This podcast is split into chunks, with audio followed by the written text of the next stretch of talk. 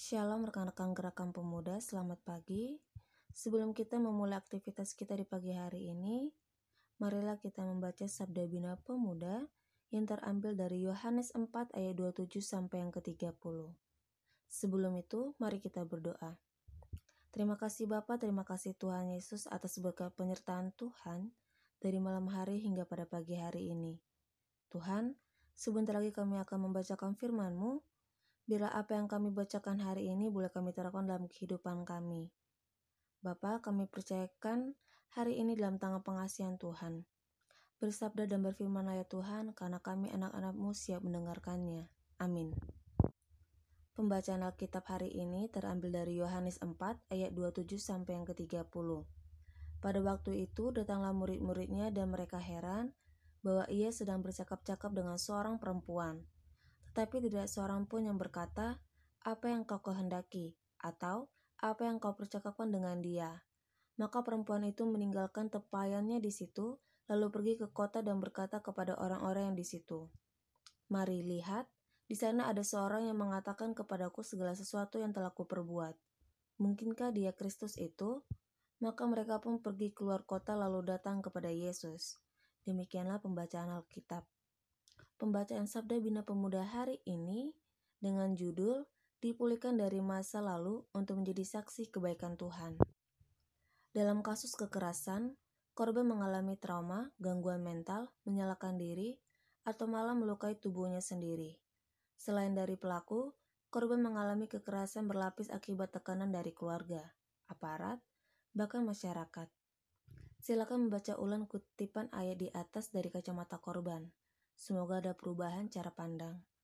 Tidak mudah memastikan situasi personal perempuan Samaria ini, barangkali dia korban perkawinan Levirat, diceraikan karena tidak bisa hamil, atau istri kesekian dalam rumah tangga poligami. Entah dia ini budak atau orang merdeka, tetapi Yesus mengungkap status dan situasi perkawinannya itu untuk menunjukkan kuasanya, bukan menghakimi. Percakapan di pinggir sumur mengisi ruang hampa dalam hidup perempuan ini. Sang air hidup datang membarui dan memulihkan hidupnya. Perempuan ini mengakui Yesus sebagai nabi, juga Mesias atau Kristus. Pengalaman dipulihkan Yesus mengubah perempuan ini menjadi puarta bagi penduduk di kotanya. Anugerah kasih membuat perempuan Samaria ini menjadi saksi Kristus. Perjumpaannya dengan Kristus menjadikannya berdaya. Ia diubah menjadi pribadi yang berharga dan kembali ke khalayak ramai untuk mengisahkan perbuatan baik Kristus, Sang Peretas Batas. Sobat muda, Tuhan Yesus memberi teladan agar kita membuka hati kepada mereka yang dibuang, tak berdaya. Yesus merangkul mereka yang diasingkan karena suku, gender, agama, dan status sosialnya. Kalau begitu, tidak ada alasan buat kita melakukan sebaliknya, bukan?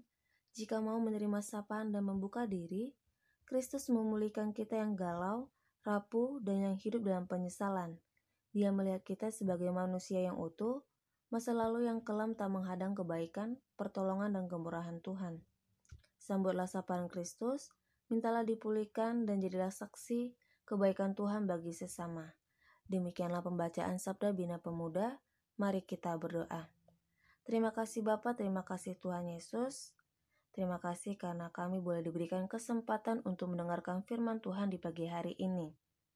Biarlah apa yang kami dengarkan boleh kami terapkan dalam kehidupan kami anak-anak Tuhan pribadi lepas pribadi. Tuhan, kami serahkan segala aktivitas kami hari ini ke dalam tangan pengasihan Tuhan. Di dalam nama Tuhan Yesus, kami berdoa. Amin.